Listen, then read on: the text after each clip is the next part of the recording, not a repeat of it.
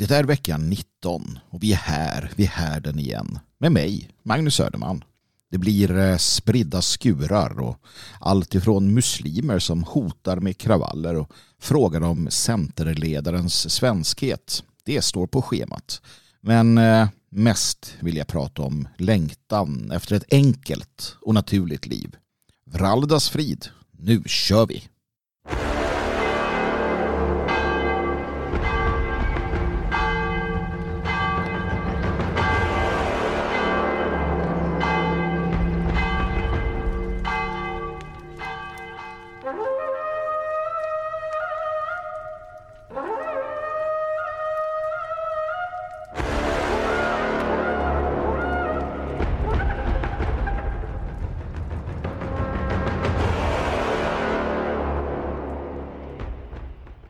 Hur eh, många gånger har vi inte pratat om detta med att den muslimska befolkningen, minoriteten som man så ofta och så gärna vill påtala att det är, ehm, hur ofta den har flyttat fram sina positioner och vad som kommer i kölvattnet av detta framflyttande.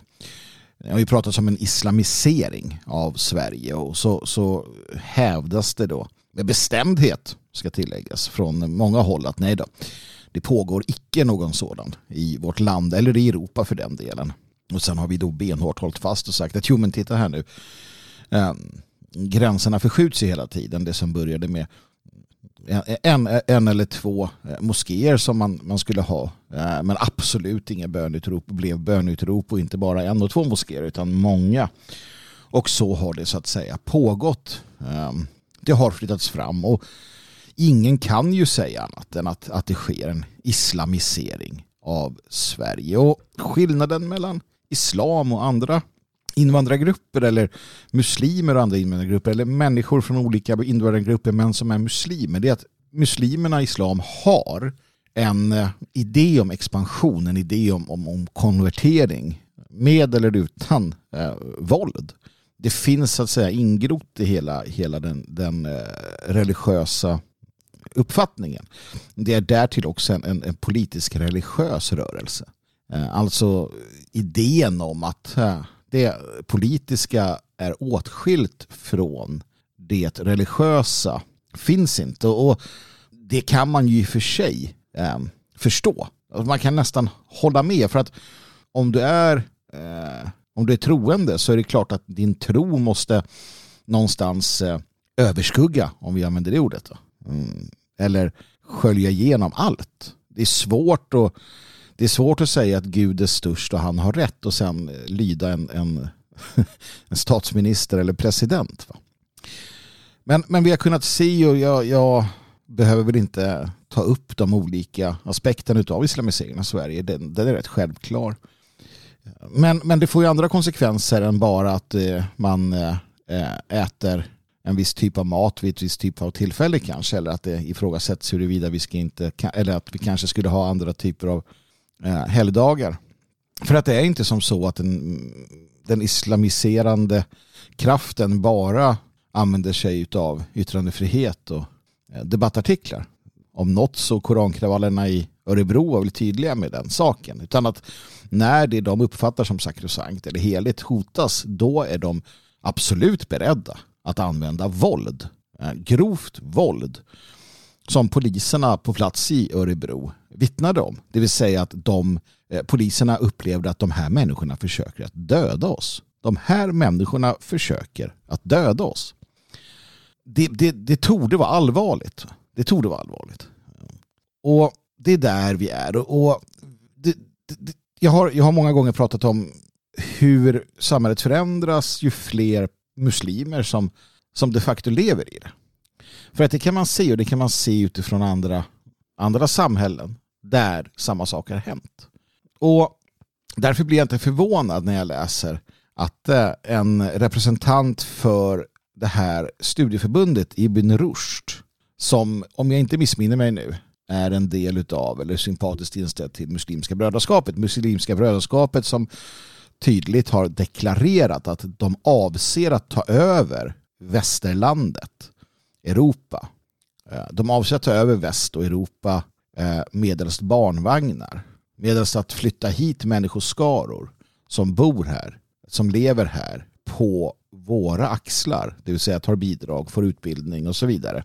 Och att man då skaffar eh, Eh, många barn och på sikt tränger ut oss. Det här är inte en, en idé om en, ett jihad med vapen utan ett jihad eh, som är kulturellt och demografiskt.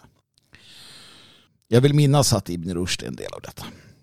Ja, och eh, det förvånade mig alltså inte med tanke på det jag vet om islam och hur jag förstår mig på den, den eh, muslimska islamistiska grund som idag förs in i västlandet. Jag menar att det har sett annorlunda ut tidigare. Sen har det sett ännu mer annorlunda ut ännu tidigare och så vidare. Det där går i cykler, men det vi ser nu alltså. Den, den islamismen vi ser nu breder ut sig. Därför blir jag inte förvånad när jag läser att en representant för Ibn Rushd hotade, um, hotade Malmö stad med kravaller om Malmö stad inte ändrade ett beslut och gav en, eh, ett, ett extra bidrag för en ramadanfest. Ehm, det var nämligen som så att man hade sökt om en, eh, ett bidrag för en så kallad aid-festival. Ehm, och man ville ha, eh, man ville ha eh, mer pengar. Man har alltså redan Malmö stad och Malmö stads skattebetalare och i, i förlängningen vi eftersom att alla skattepengar går till Malmö till sist. um, har alltså varit med och bidragit sedan 2013 den här aidfesten. Så varje år har de fått 200 000 kronor för sin aidfest. 200 000 från, från kommunen. 200 000 varje år för sin aidfest. Uh, och i år hade man inte råd för att eh, man har inte råd i Malmö för att man har kört sin stad i botten. Precis som på så många andra ställen. Så man måste hitta ställen att kapa. Och hittar man det här. Och då mejlades då kommunen utav den här medarbetaren. Och det, det upprepas hela tiden att det är en medarbetare. Men det är Ibn Rushd som gör det. De eh, mejlar Malmö stad och säger att om vi inte får de här pengarna så kommer eh, missnöjda muslimer orsaka betydligt större kostnader för kommunen än de här 200 000 kronorna. Där har vi det. Och naturligtvis så Malmö stad polisanmäler detta och det blir diskussioner och så. Distriktschefen på den här Ibn Rushd och Malin Novén meddelar att den här mannen nu har stängts av. Man slänger honom under bussen.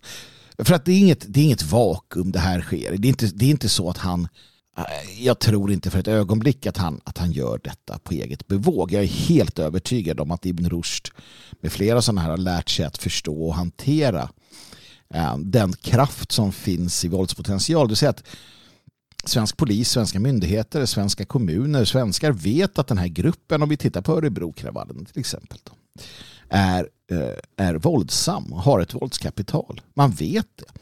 Och det försöker man rida lite på. Det försöker man använda sig av. Och det är klart att man har suttit på kafferasten på Ibn Rushd och pratat om detta och sagt att man kanske skulle jalla valla eh, mannen, man kanske skulle Eh, säga att det blir eh, kaos om vi inte får de där extra pengarna.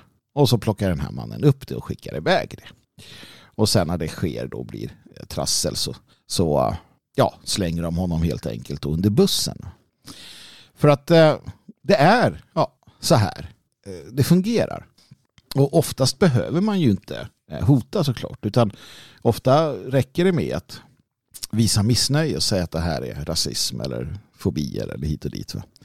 Ehm, och det har vi kunnat se med de här koranbränningarna och sådär att ofta har hotet om att något ska hända räckt för att myndigheterna ska ändra sig. Och, och så går det till. Det är därför det finns prof profetior om att om du överlåter makten, om du överlåter eh, för mycket makt eller för mycket om du låter främlingarna bo i dina länder så blir de till sist huvudet och du blir svansen. Det är, det är en gammal testamenterlig profetia skriven av människor som eh, förstod det här med demografi och makt. Du kan, du kan eh, Sydafrika är ett bra exempel. Det var, det var ett, ett vitt samhälle, tänker vi det som, um, under apartheid. Men jag menar, styrkeförhållandena var, styrkeförhållandena var omöjliga. Du, du måste ha ett eget territorium för att kunna upprätthålla en makt. Det går inte att, det går inte att tro att man har ett territorium, en, en, en maktbas, om du försöker dela den samtidigt med främlingar. Och det är det här det handlar om i Sverige idag. Det handlar inte om enskilda individer. Det handlar inte om huruvida eh, människor som kommer hit har jobb eller inte och så vidare. Det handlar om att de inte är vi. Det handlar om att nationalstaten, nation i nationalstaten handlar om ras. Det handlar om ursprung, hereditärt är det i allra högsta grad. Att födas ur är vad ordet betyder, nation natio. Det vill säga, i en nation så är det eh, den nationens medborgare som tillhör nationens blod som är den absoluta majoriteten och som har eh, kontrollen.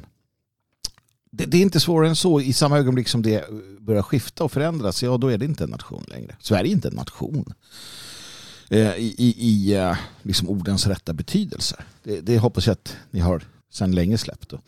Och de, de grupperna som kommer in och som känner att de har möjligheten att vara dominanta, de kommer roffa åt sig. För så fungerar världen. Man behöver inte tycka om det, man behöver inte känna att gud, det är bra eller det är dåligt. Det finns de som anammar hela den här idén om, om att makt ger rätt. Som omfamnar den och ser den som en grundläggande livsfilosofi. De går oftast lite bättre för än de som inte gör det. För att till syvende och sist så är det så i den värld vi lever, i den fysiska världen vi befinner oss, så ger makt rätt. Det vill säga som i, i eh, Sverige, att har du våldsmakten eller kan du tillräckligt ställa till det för myndigheterna då kommer de backa. Som i korankravallerna. Och det är så ett, ett samhälle tappar, uh, tappar sin framtid. Det är när systemet backar undan. Och systemet backar undan när landet blir mångkulturellt och olika grupper kräver sin rätt. Så det är predestinerat att falla. Det vi befinner oss i. Ehm, för den här typen av hot kommer naturligtvis inte bli eh, mindre eller färre som det heter. Utan fler. När grupperna känner sin styrka. Nu eh, stod man på sig från kommunens sida man eh, eh, polisanmälde och fick en diskussion om det. Nästa gång så, så kanske man inte gör det. Utan nästa gång så kanske man eh, ger efter. Förr eller senare eh, så visar det sig vem som har mest makt. Är det kommunen eller är det de muslimska eh, organisationerna? Och det återstår att se. Men det verkar skilja sig åt lite från plats till plats som sagt. Ibland så ger man efter, ibland gör man det inte. Men om jag ska spå så ser jag hur de områden där de här grupperna blir dominanta så kommer den, den svenska civilförvaltningen att falla.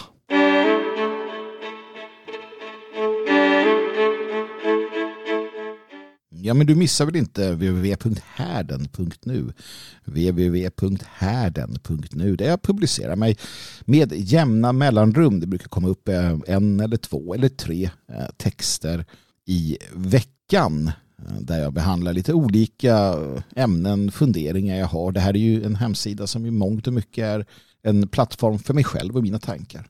Så det är det du får dig till livs. Det kan spreta väldigt mycket. Och jag hoppas att du prenumererar så att du inte missar när något nytt händer. Jag eh, inte bara skriver utan jag läser ju in texter också. Dels mina egna som jag har skrivit men också andras som jag kommer över och eh, får får möjlighet att göra. Senast nu så finns Arisk Ariskt ursprung av Ron McVan eh, inläst. Fantastiskt spännande text måste jag säga. Och du som kan och du som vill ehm, kan ju stötta ekonomiskt också. Men Då får du ju tillgång till allt som publiceras. Varenda text, varenda podd och varenda inläsning och vad du kan tänkas bli framöver. Och du kan göra det månatligt eller per år. Och i runda slängar kostar det alltså en 50-lapp i månaden. En 50-lapp i månaden. Och ja, jag tycker i alla fall att det är mer än, än värt det. Eh, det, du, det du får ehm, till livs, alltså för den facila summan. Och innan, innan vi fortsätter här så vill jag tacka dig som är med och stöttar. Du som är med och stöttar härden med en prenumeration. Det betyder mycket på många olika sätt. Och det vill jag att du tar med dig. Ditt eh, stöd avgör verkligen. Vi gör det här tillsammans. Så är det faktiskt. Och ett speciellt tack till härdens eldvakter. De som ger vad som krävs och väldigt mycket mer till. Tack ska ni ha.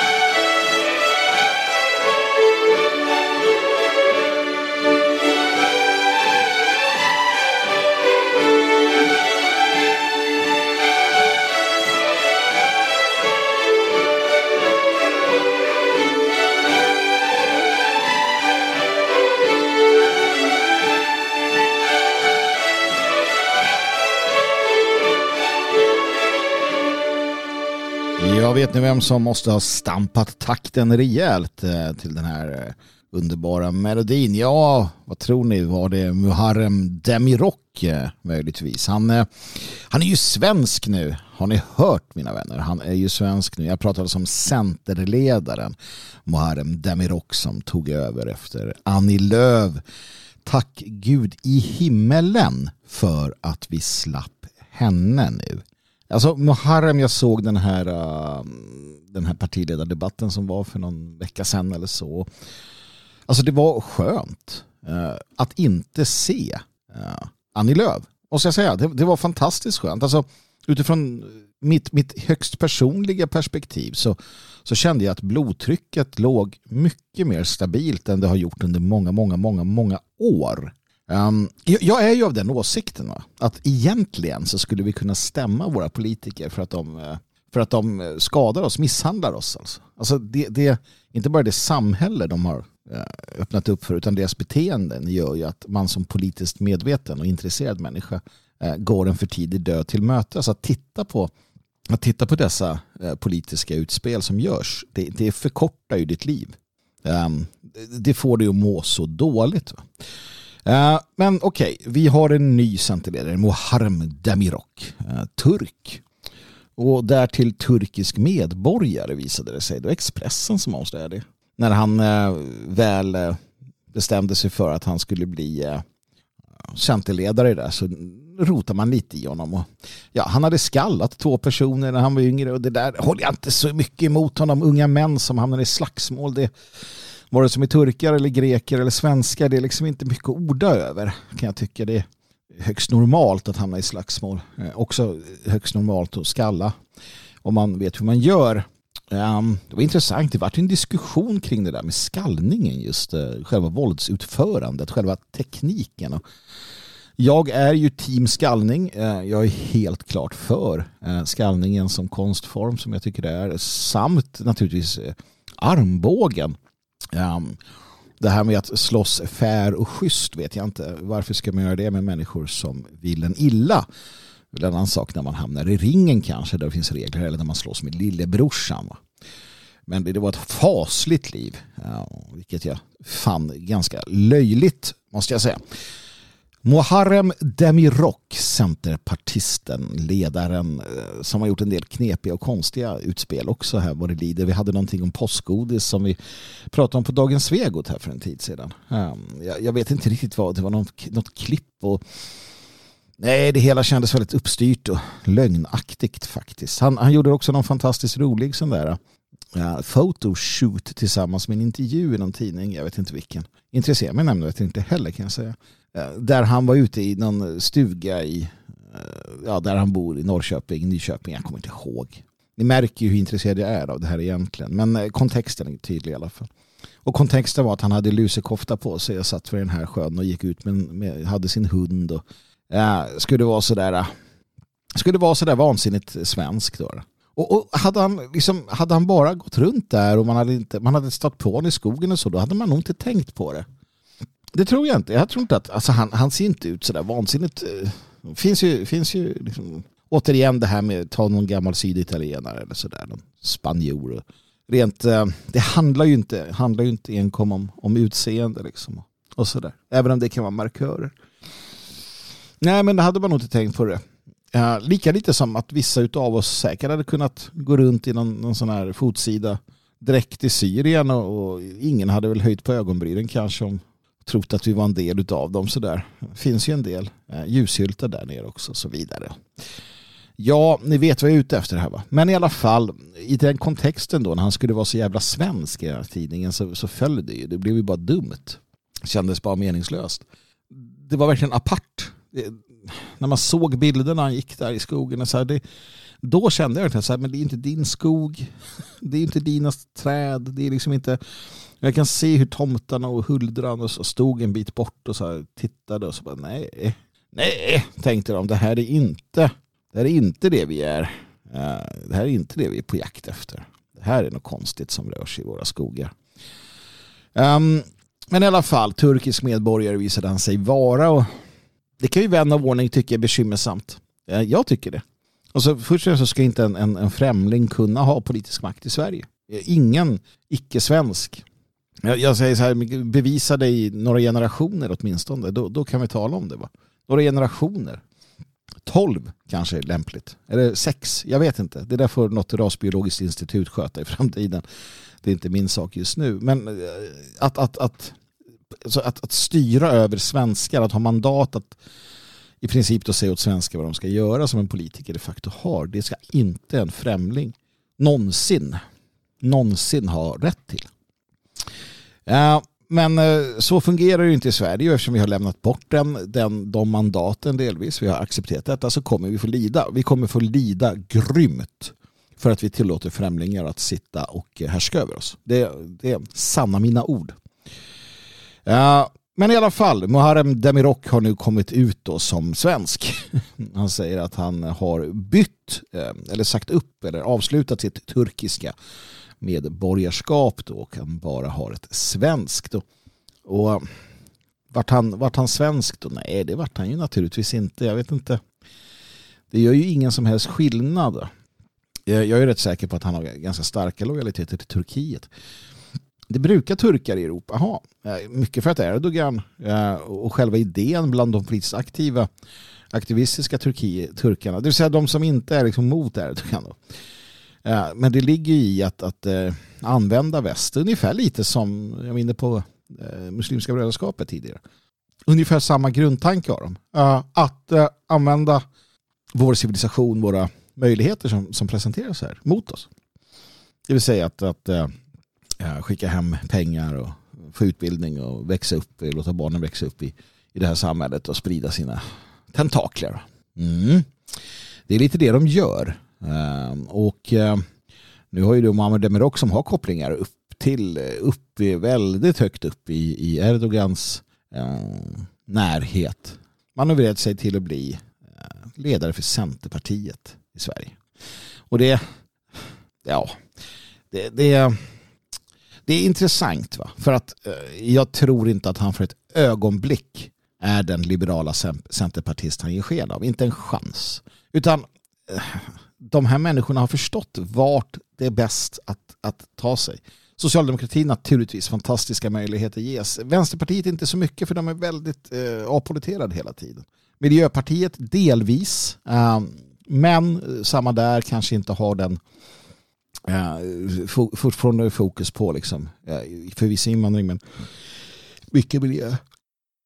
Centerpartiet däremot, absolut, där finns det ju. Eh, alltid en, en, möjlighet att ingå i regeringar när Moderaterna tar dem som stödparti och så vidare. Så att mm, de är utspridda. Eh, och de, de arbetar för sina intressen. Och I den mån deras intressen eh, visar sig vara eh, positiva för svenskar så gör det ju ingenting. Men eh, i samma ögonblick som som deras intressen går, går emot svenskarnas intressen, ja då kommer vi förlora om vi har gett makten till de här människorna. Gud att det är så svårt. Gud att människor inte kan tänka själva. Men det är så typiskt, jag ska inte säga svenskt, utan så typiskt ariskt. Att så här, ja men jag är ju en, en jävla fin kille och, och jag kan känna empati och sympati och tänka att eh, de här människorna ska också gynnas av mitt styre. Jag är en, en, eh, jag är en upplyst despot. Och så tror man att det är samma för de här. När vi vet om och om och om igen att, att eh, man företrädesvis ställer sin egen grupp framför den andra. Eh, det finns säkert de som inte gör det. Det finns absolut exempel på de som inte gör det. Och de blir man alltid varse finns när, när saker ställs på sin spets. Absolut. Och, och jag har ingenting emot att låta de få människor som, som, eh, som uppfyller de kraven vara en del av en, en gemenskap. Ehm, det har jag inte. Även om jag har eh, ett, ett rastänkande i grunden naturligtvis som inte upphör. Men, men att, att man kan acceptera en minoritet i sitt en, en minoritet i sitt land, i, sitt, i sin nation, det, det säger sig självt. Eh, men det krävs ju då åtskillnad och strikta lagar och ett visst tänkande naturligtvis. Så att det där finns hela tiden i, i grunden. Va? Men när vi, när vi tittar på vad Muammar Demirok gör så, så, ska vi inte, inte låta oss luras och tro att han genom att han säger upp sitt medborgarskap i Turkiet. Det, det här är ju ett spel för gallerierna. Det är ett sätt att kunna säga till eventuella belackare att jo, nej men titta jag är ju svensk nu och det är han ju inte som sagt. Och människor är så dumma. Människor är så dumma. Jag skrev i, det var han Yüksel, ni vet, eh, filuren med Nyanspartiet. Där. Han eh, twittrade om det här och skrev att ja, titta här nu, nu har han varit tvungen, nu har Demirok varit tvungen att avsäga sig sitt eh, turkiska medborgarskap på grund av det här rasistiska Sverige, jada, jada, jada. Och jag twittrade sådär lite eh, lite raljant att ja, och, och, och, inte blev han mer svensk för det. Alltså. Jag ville verkligen pusha in det där att det spelar ingen roll. Och då kom det ju någon gök såklart. Svensk namn.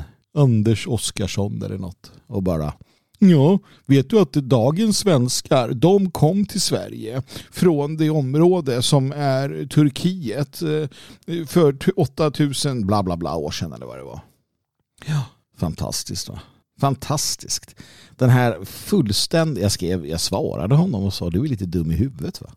För att det är han ju. Alltså att använda det argumentet, dels att kasta, det kanske går att kasta mot någon som inte har koll, men att kasta, försöka kasta det mot mig uh, låter sig inte göras. För så här är det. Ras är bestående på ett sätt som mycket annat inte är. Och mina förfäder var lika mycket av samma ras som jag som jag. Det är lite så det funkar din idiot. Det vill säga om mina förfäder, om jag är blond, blåögd, vit, ljushylt med de karaktäristiska rasdrag som vår ras de facto har så kan jag veta att mina förfäder var det. Jag kan veta att mina förfäder inte var eh, svarta afrikaner eller för den delen något annat. Det kan ske en viss eh, whitewashing som det kallas för men i, i allt väsentligt så är du vit så är du vit också i släkten. Eh, och det här förstår ju inte den här typen av människor. Det är ju samma typ av människor som är så jävla dumma i huvudet att de tror på fullaste allvar att en massinvandring från Afrika inte spelar någon som helst roll för att alla är lika. Så fort en människa kliver över gränsen till Sverige och sätter fotsulan här då jäklar är de vita svenskar som alla andra. För att det finns liksom inget, eller de är inte vita svenskar, de är svenskar, de är som vi. Och det är så tröttsamt. Som att de människorna som bodde i eh, den regionen vid den tiden då alla såg ut som alla var turkar som vi tänker turkar idag. Självklart inte din korkade celle. Självklart var det inte så.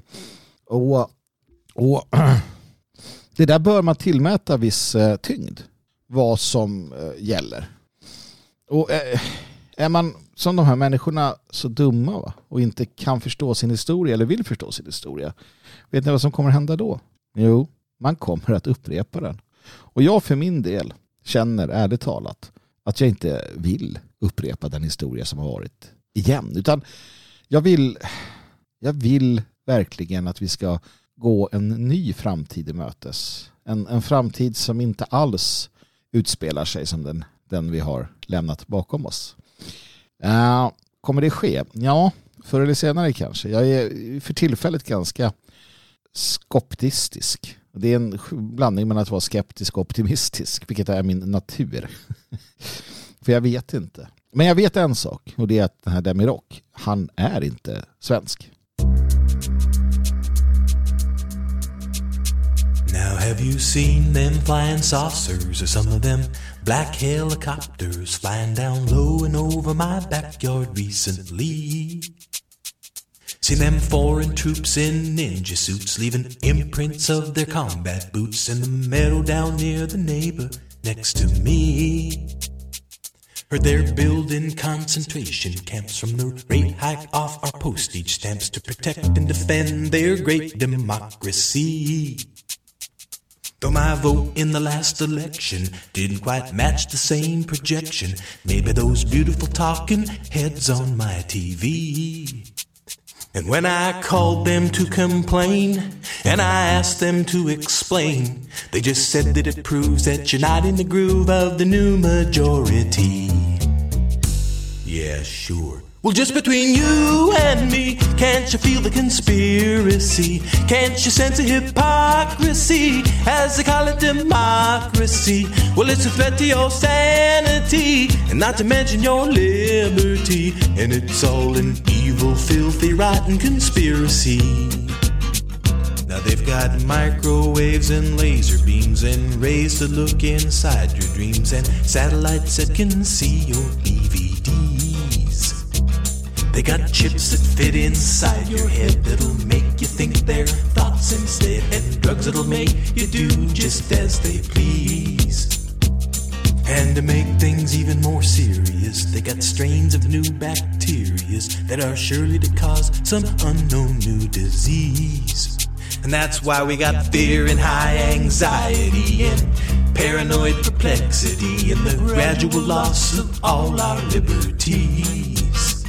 And as they try to bring us all down, they might leave us with a frown. They might even be the source of all the rumors in this town. Well, just between you and me, can't you feel the conspiracy? Can't you sense the hypocrisy as they call it democracy? Well, it's a threat to your sanity, and not to mention your liberty. And it's all an evil, filthy, rotten conspiracy.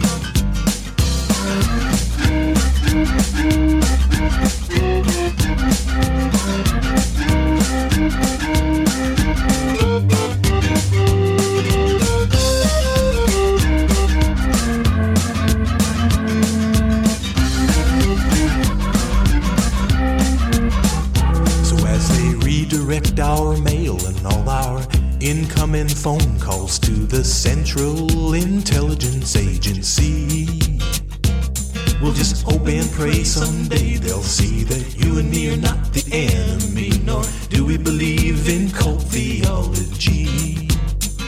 And as their police try to bust us, we'll keep trying to find some justice, though it's hidden behind a wall of masonry. We'll keep working out our salvation with the feeling of fear and trembling, hoping and praying someday the truth might set us all free. Now just cause the media won't respond don't mean there's nothing going on. And brother, what'll you do if there's something to all the words inside this song? Well, you can say that I'm wild eyed, that all my fears are unjustified, or that I'm totally mystified by a man who's crucified. But just between you and me, what hung him up on that tree? It was all an evil, filthy, rotten conspiracy. Yeah, it's all an evil, filthy, rotten conspiracy. Believe me. Det är en sån där känsla som kommer över mig med jämna mellanrum. Den här känslan att eh, jag är inte helt nöjd med livet jag lever. Jag är inte helt nöjd. Det finns eh, saker jag önskar. Och en sån där sak, en sån där fundering, det är så här, hur vill jag, alltså, hur vill jag leva mitt liv? Det, det är viktigt. Det är viktigt att du tänker på det, att jag tänker på det. Ja, du ska inte tänka på hur jag ska leva mitt liv. Du ska tänka på hur du ska leva ditt liv. För att det, det är något som saknas hos alla. Och det, det, det, det är ganska tydligt. Och jag har funderat eh, mer och mer på det här på senare tid. Och det, det står i öppen dager vad det handlar om. Jag idag, eh, innan jag spelade in den här, så tog jag en, en morgonpromenad. Och jag gick upp till eh, en liten avskild plats, en bit härifrån där jag bor, i Elgarås i skogen. Och satte mig och bara lyssnade Tidigare har jag när jag gått ut och promenerat tänkt att jag måste träna, jag måste träna. Det här är träning så då har jag liksom marscherat på och sen marscherat hem igen. Men eh, det har inte känts helt, eh, helt eh, vettigt för att man går miste om så mycket då. Det man går miste om framför allt är den kontemplativa delen utav att vara i naturen. Alla vet att vi eh, svenskar, vi germaner, vi är ett andligt folk.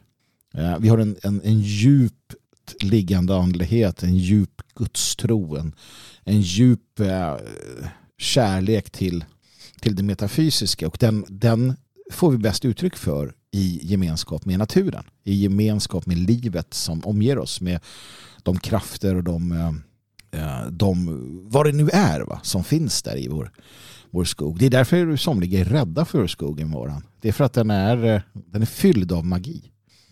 Därför brukar jag säga att det här med friluftsliv det är en, en vit sak. Jag såg från USA hur svarta amerikanare de var vansinnigt arga över att de inte fick eh, spela jättehög musik ur sina eh, bergsprängare när de var i nationalparkerna.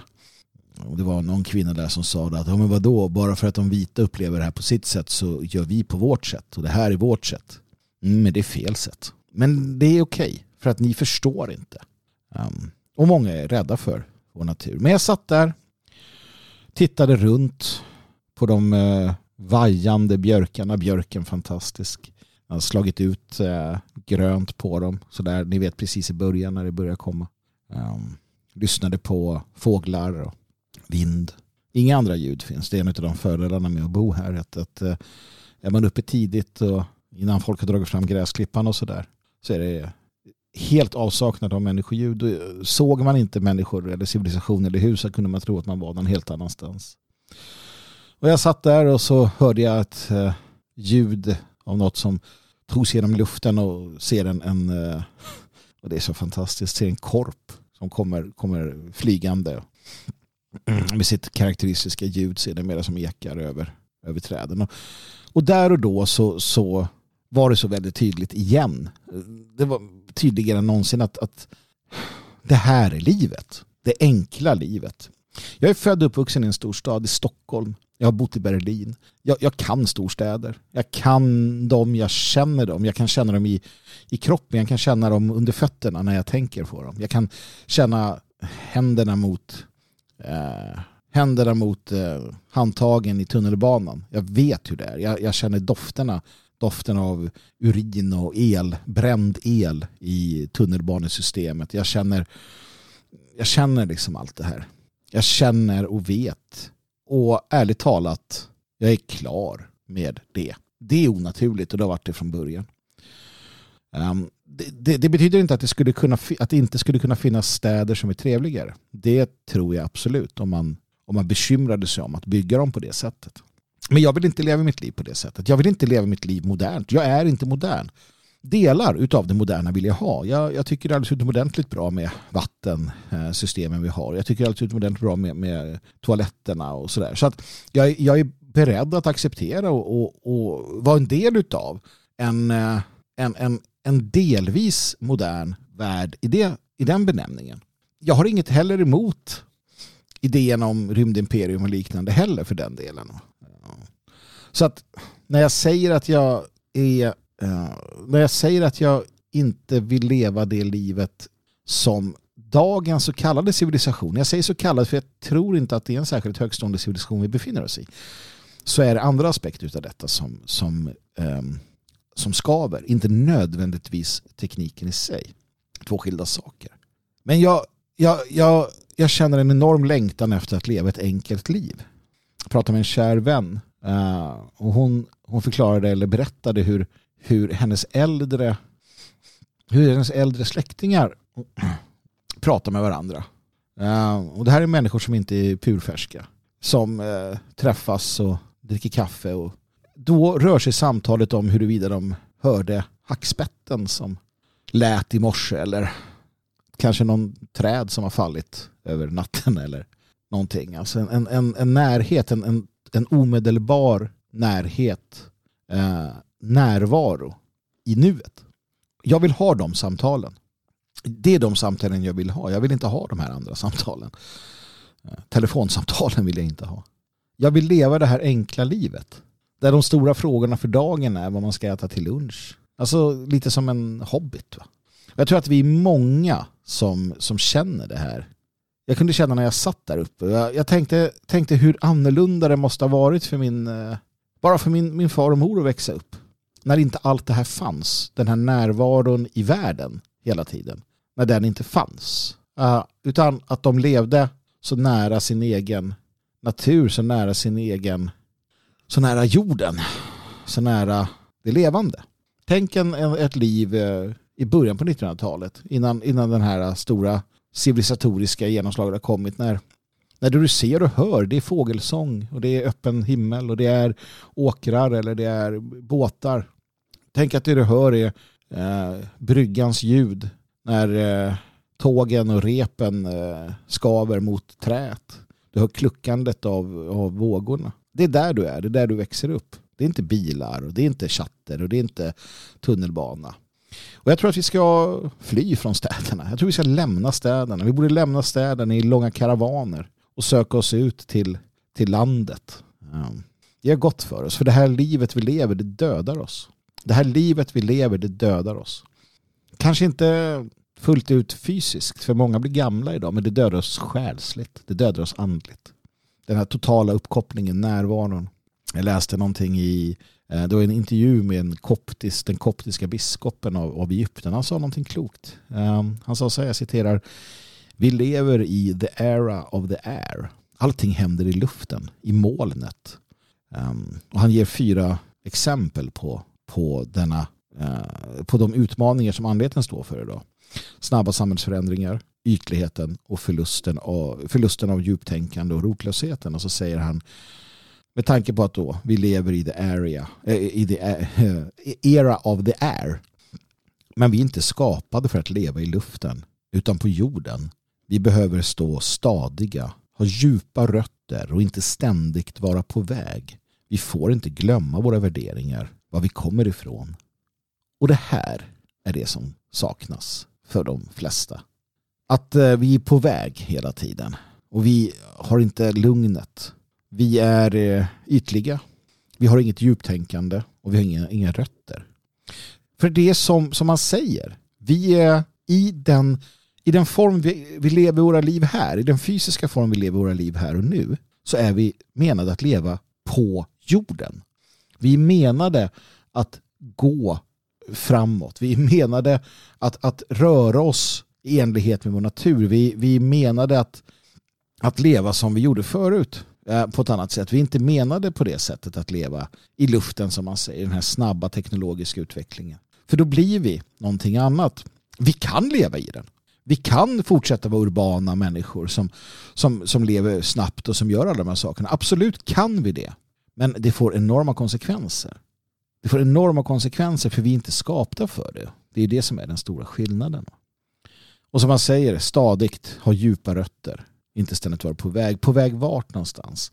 Man var lyckligare när man eh, tillbringade hela sitt liv i sin eh, by med sina fränder.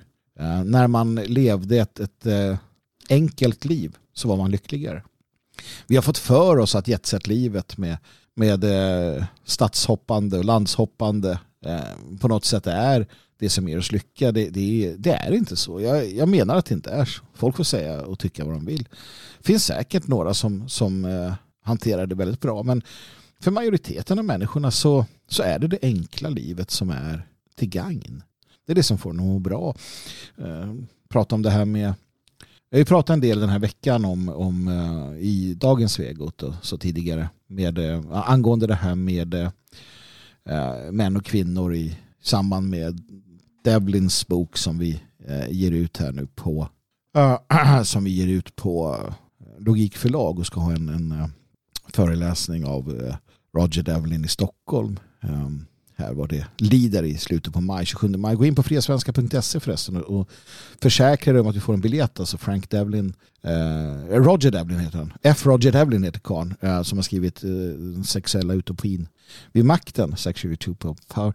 Han kommer till Sverige, vi har ett bokrelease och allting. Gå in på friasvenska.se, där finns all information. Men i samband med det så har vi pratat lite om det här med, med köns, könen och med makten och med eh, de här olika feminismen och incel och allt vad det nu kallas för. Och, och det dök upp en, en siffra där som säger att ett, ett, problem idag är att 80% av kvinnorna eh, eh, anser sig ha rätt till 20% av männen. Det vill säga att de 20 bästa 9-10, om, om du har en 10-gradig skala då, män eh, från 1 till 10, sen så, då, så, så anser sig så anser 80% av kvinnorna att de har rätt till 20% av männen. Och så lämnas då 20% av män och kvinnor till eh, överblivna män. Och det är möjligtvis sant, men hur vet vi det? Jo, vi vet det för att man utgår från Tinder-statistik. Just det. I Tinder-världen så är det sant. I den snabba swipe-världen som är helt frånkopplad från allt fysiskt så är det sant. När du sitter framför en skärm och swipar höger eller vänster så är det sant. Men hörni, vad sägs om att vi helt vänder ryggen åt den världen och hamnar i en värld där det inte är sant. Det vill säga den verkliga världen. Det är det här som man eh, missar. Och jag menar, här missar hela den här eh, både feministiska men också den här eh, manlighetsrörelsen målet. Och det här, det här var något som kom till mitt samtal häromdagen bara. Att man utgår, alla strategier, alla idéer utgår i grund och botten från den moderna tekniken. Återigen då, i, i Tinder-undersökningar har man kommit fram till att 80% av kvinnorna anser sig ha rätt till de här 20% av männen. Men då är vi ju inte i den naturliga världen. Då är vi ju inte i en enkel värld. Då är vi i den avancerade algoritmvärlden. Då är vi i molnet. Där doft inte spelar in. Där rörelsemönster inte spelar in. Där ingenting spelar in. Utan det som spelar in är hur duktig du är på att sälja dig själv på denna sociala media. Och män är inte särskilt duktiga på det. Och de män som gör det, de får då 20 procent av, eller 80 procent av kvinnorna. Det här är ju inte på riktigt. Det här är inte på riktigt. Utan det är någonting som händer i den här eh, artificiella världen. Och, och förvisso är det sant då naturligtvis att en man som befinner sig där och vi, vi måste acceptera att, att den här artificiella världen till, till, till stor del också tar över och blir verklig på något sätt. Men vi måste skilja de två åt. För att länge efter det att den artificiella världen upphör att existera, för jag är rätt säker på att också den har en ände, så kommer den naturliga världen att finnas kvar. Och allt jämt, ju mer, eh, ju mer den här artificiella världen tar över så kommer somliga av oss att, att inte vilja vara en del av det. Vi kommer hitta andra sätt att, att hanka oss fram på. Och där kommer det här 80-20 inte vara sant. Där kommer en, en skogsägande bonde eh, som kanske inte alls på andra sätt uppfyller det som, som den artificiella världen kräver av en man vara det, det mest intressanta. Och där kommer kvinnor som kan ta hand om sig själva, alltså den germanska modellen på en kvinna, vara det som står högt i kurs. Där kommer vi vilja ha våra Brynhildor med breda höfter och, och, och eh, liksom, möjlighet att, att stå på egna ben. För det är den verkliga världen. Och jag vill leva i den verkliga världen. Jag vill leva i den verkliga världen. Jag vill, jag vill lyssna på fågelsången. Jag vill dricka min, min, min kaffe på verandan och ha ett stilla samtal med min kvinna om näktergalen som, som äh, lät eller vad det nu kan tänkas vara. Vad vi ska äta till lunch. Jag tror att vi gör oss bäst. Jag tror att vi alla gör bäst i att söka det naturliga. Att söka det enkla det, är klart att det inte går fullt ut för någon av oss. Vi lever i den värld vi lever i. Men vi kan bestämma hur vi ska välja att, att gå framåt. Vi kan välja att antingen omfamna allt eller, eller inte.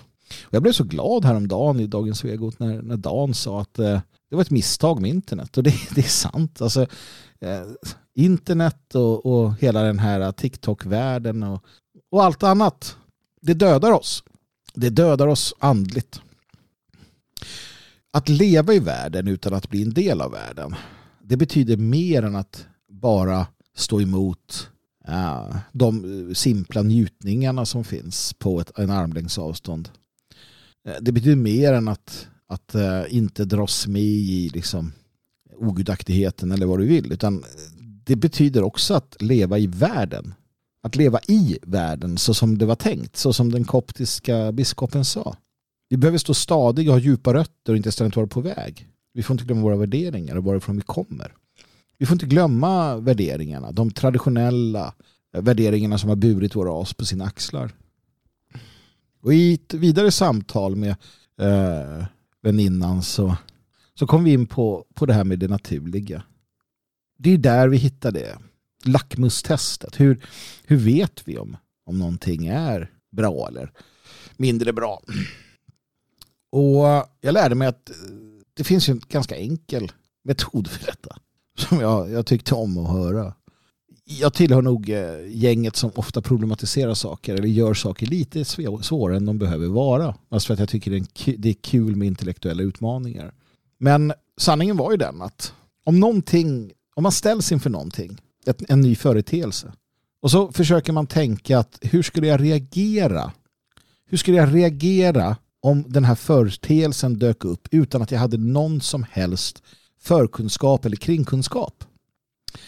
Uh, det vill säga att om jag inte hade telefon, jag hade inte media, jag hade inte alla propagandakanaler som har översköljt mig med, med åsikter och tankar. Jag har inte, jag har inte lyssnat på ändlösa äh, Spotify-låtar som hyllar vad det nu må vara för dårskap. Utan jag är en helt naturlig människa som vi flyttar oss tillbaka ett tag. Liksom. Vi går på vår gård och vi odlar vår, vår, äh, vårt majs eller vad det kan tänkas vara för kul.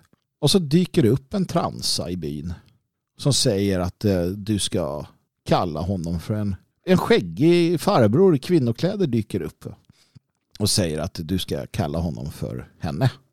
Och han säger också att han ska in i kyrka eh, och läsa sagor för barnen. Och du ska inte vara där. Eller han ska in i skolan och berätta om de här sakerna och du får inte vara med. Du, du, du har inga förkunskaper. Du är bara en naturlig människa. Hur hade du reagerat? Ja. Uh, du vet svaret. Du svarar det själv i hjärnan och då vet du att okej, okay, där har du det. Det är det naturliga lackmustestet. Um, och det där kan man göra på väldigt många saker. Och ofta tror jag att det där slår rätt. Jag tänker samma sak att du, att du får, och jag menar ju då att man någonstans får den kunskap man har. Uh, och det kan ju då gälla andra saker som droger eller andra, uh, andra saker vi, vi lockas av eller utsätts för. Och så ställer vi frågan, men vad hade jag gjort om jag inte hade? Om jag bara hade den här kunskapen att det är det här som händer. Så här, här eh, drick den här läsken, drick den här vätskan liksom varje dag. Det är fullt med socker. Och, och det, det kommer liksom, ja. Hur hade du reagerat? Hur hade du tänkt om du var en naturlig människa? Då hade du tänkt att nej, det där låter inte så bra. Jag har ju mitt vatten och min mjölk. Vad ska jag dricka det där för? Och så vidare och så vidare. Och jag, jag menar inte att jag menar inte att man, man gör som Pentelinkola eller Unabomban och bara flyttar ut i skogen och sätter sig liksom, sådär. Om man, om man inte vill det för den sakens skull, det kan man ju vilja. Men där har vi ju någonting sådär. Eh, en, en, ett, ett sätt att, att enkelt kunna parera det som jag återigen då säger som står i Nya Testamentet där, att du ska leva i världen utan att bli en del av världen. Då kan du parera saker som händer på ett annat sätt. Just i detta nu när jag säger de här orden så ser jag en skata tror jag det är som sitter på min gräsmatta och gräver med näbben. Han du hittat något kul som man ska äta upp. Och att sitta och titta på det när han, eller är hon, jag har ingen aning hur man könar en fågel, gör de här sakerna är så mycket mer värt än om jag hade suttit och eh, swipat eller vad heter det, bläddrat på, på Instagram eller liknande. För det är på riktigt. Och att söka närheten till sina vänner och att söka eh, relationerna IRL är ju alltid att föredra. Vi kan ändå inte hantera allt. Vi kan inte hantera all information. Alltså, saken är den att vi, vi, vi, vi som människor klarar av att tänka stora tankar. Vi, vi, vi klarar av att filosofera om evigheten och liknande. Men det här att, att sortera och hantera ändlösa, snabba informations klipp eller liknande som kommer till oss hela tiden, det, det, det pallar vi inte med. Vi mäktar inte med detta. Det är därför vi mår dåligt. Vi försöker. Vi försöker att hantera all information, men vi mår dåligt. Så vet du vad? Sluta. Sluta ta in den. Uh, välj. Välj dina, välj dina kontakter med den, den världen. Men lägg undan telefonen. Stäng av. Logga ut. Lev enkelt. Och gör det där lackmustestet varje gång. Vad är naturligt i den här saken. Och det gäller träning och det kan gälla mat och det kan gälla väldigt mycket. Jag menar, jag är övertygad, och det kanske inte du är, men jag är övertygad om att vi har något som heter blodsminnet. Och jag, jag blir alltid arg på mig själv när jag krånglar till saker. Jag, jag gör det ibland. Men vi har något som heter blodsminnet. Och, och för mig så är det som så att mina förfäders gemensamma kollektiva kunskap, den, den finns hos mig det är inte alltid tydligt och det är väl inte alltid lätt att komma åt men det finns där. i Erfarenheterna och det naturliga. Så att om jag behöver veta något så kan jag faktiskt kontemplera över det. Man ska känna den här magkänslan, intuitionen. Det är någonting som den här världen verkligen har gjort allt den kan för att ta bort från oss. Man ska inte lita på sig själv, man ska lita på tidningar. En, en mor ska inte lita på sig själv utan de ska lita på tidningar en blivande mor eller, eller för den delen förälder. De ska läsa böcker och tidningar. Ingen ska lita på sig själv längre. En kvinna ska inte lita på sig själv och signalerna från hennes egen kropp när det kommer till olika aspekter av, av det. Nej, hon ska lita på, det vet jag, annat. Preventivmedel ska hon lita på. Och män ska inte lita på sina signaler. Men det är ju så vi ska leva, det är det naturliga. Vi, vi, vi är givna av, av Gud um, de naturliga lagarna funktioner för att fungera. För att leva och frodas på den här planeten. Under de livsbetingelser vi har. Vi måste lita på det. Och när du känner att den där jävla typen där det är ingen bra, det är, inte, det, det är inte bra för mig. Så betyder det att det inte är bra för dig. Så håll dig undan. Och när du tänker efter huruvida du ska stoppa den där eh, vad det nu är för någonting i munnen eller inte. Tänk naturligt. Vad är det för någonting? Och ska jag verkligen göra det eller inte? Och som sagt ibland eller mer ofta än sällan kanske så, så blir det som det blir i alla fall. Men jag skrev om det på härden.nu härden.nu tidigare om det här med att, um, att, att, att göra alltså att, att, att sträva efter övermänniskoidealet idag har aldrig varit lättare. Det har aldrig varit lättare att vara en övermänniska än vad det är att vara det idag. Eftersom att människor generellt sett har eh, devalverat sig. Så om man medvetet försöker att leva naturligt och leva enkelt. Om man kastar bort sånt som vi vet förstör oss och ägnar oss åt andra saker. Att man sätter sig på verandan med sin kvinna och sina vänner och pratar om hackspetten eller eh, vind, vindfället i skogen eller hur, hur det går med buskarna och man diskuterar vad man ska äta till, till lunch. Så är det en akt av motstånd. Det är en akt av att inte dras med i dumheten. Att, att medvetet välja bort dumhet i form av TikTok eller liknande um, är eh, ett, en akt av motstånd. Att gå ut uh, i naturen och, och sätta fötterna i en bäck som rinner och skrattar tillsammans med någon man håller kär. Eller att se sina barn tumla runt som pandor eh, i ett hägn ute i naturen. Det är en akt av motstånd i dessa tider. Man blir en bättre människa. Att eh, gå ut och klippa gräset eller eh, bara sätta sig och andas den friska luften. Det är en akt av motstånd mot den moderna världen som försöker döda oss. Som i praktiken dödar oss vill oss illa. Så att det hela kommer samman. Det hela kommer samman på ett sätt som, som är väldigt elegant. Och det är det jag menar är att lära sig att leva i världen utan att bli en del av världen. Att fundera på hur, hur jag vill leva mitt liv. Och jag tror att honnörsordet där är ett naturligt liv.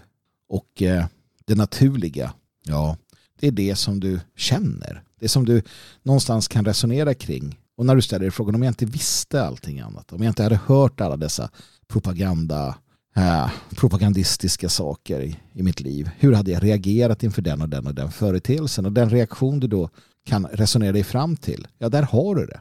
Då kan du ta reda på om du är galen eller inte. Du kan ta reda på om du är, om du är, eh, om du är hjärntvättad eller inte.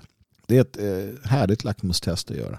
Är dina idéer och uppfattningar relevanta eller inte? Är de bra eller dåliga? Hur hade du tänkt om du inte hade hört Miley Cyrus 3000 gånger eller Katy Perry sjungit om, om vad det nu kan vara eller sett den och den reklamen eller vad det nu kan tänkas vara. För vi är alla barn av vår tid. Vi är alla skadade av det här samhället. Det är det första vi måste ta, ta oss till. Ta till oss att inse det och sen gå vidare därifrån.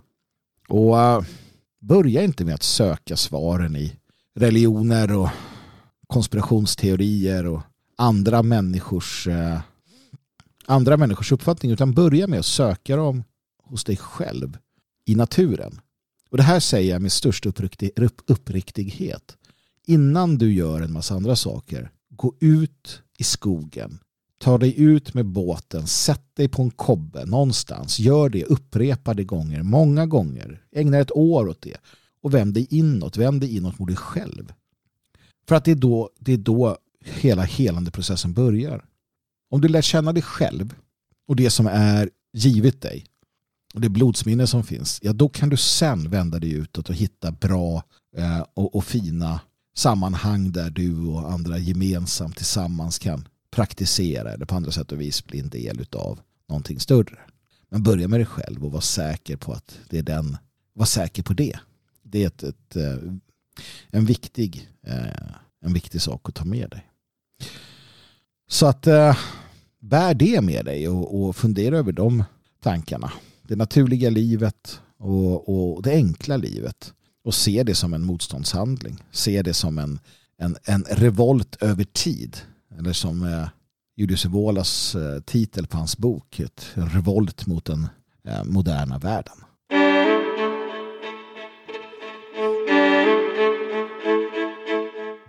Ja, vi närmar oss slutet. Jag har eh, sagt det jag vill få sagt och eh, vill passa på att rikta din uppmärksamhet mot eh, odalboden.se. Butiken för den moderna allmogen. Du hittar stödprodukter för härden, mina egna designs under namnet Hagal samt produkter för skydd och säkerhet och så smycken och hantverk och annat trevligt för hemmet med mera med mera. Så besök odalboden.se. Om du vill så kan du följa mig på Twitter. Ett Svegotmagnus eh, heter jag där. Jag vill att du går in på svegot.se. Jag vill att du varje vardag om du kan klockan 10 men senare också för den delen om det, om det inte fungerar eh, tar del av dagens Svegot. Vilket är en direktsänd, eh, en direktsänd, ett, ett direktsänd program som eh, tar upp senaste nytt och viktiga frågor och försöker folkbilda men också underhålla och vara en, en, en närvaro. Många av oss känner kanske en viss ensamhet i att vi är de vi är och tänker som vi tänker. Tillsammans med oss så finns det en, en, en, en värme och en närvaro naturligtvis. Svegel.se och kan du så bli naturligtvis också eh, stödmedlem där. Detfriasverige.se vill jag rekommendera om du tittar dig själv i spegeln och undrar vem har jag på min sida som svensk? Ja, om inte svaret är uppenbart så, så tänker jag att det är en bra idé att du söker dig till människor som är eh, som, som dig själv. Och, eh, det fria Sverige är en eh, intresseförening för svenskar och svenskar. Väldigt, väldigt låga trösklar. Väldigt, väldigt högt i tak. Eh, vi vill samla så många som möjligt som har en gemensam idé om att eh, Sverige och svenskarna faktiskt är värda att eh, bevara över tid. Och logik.se, en eh, näthandel för dig som vill eh, finna bara bra böcker.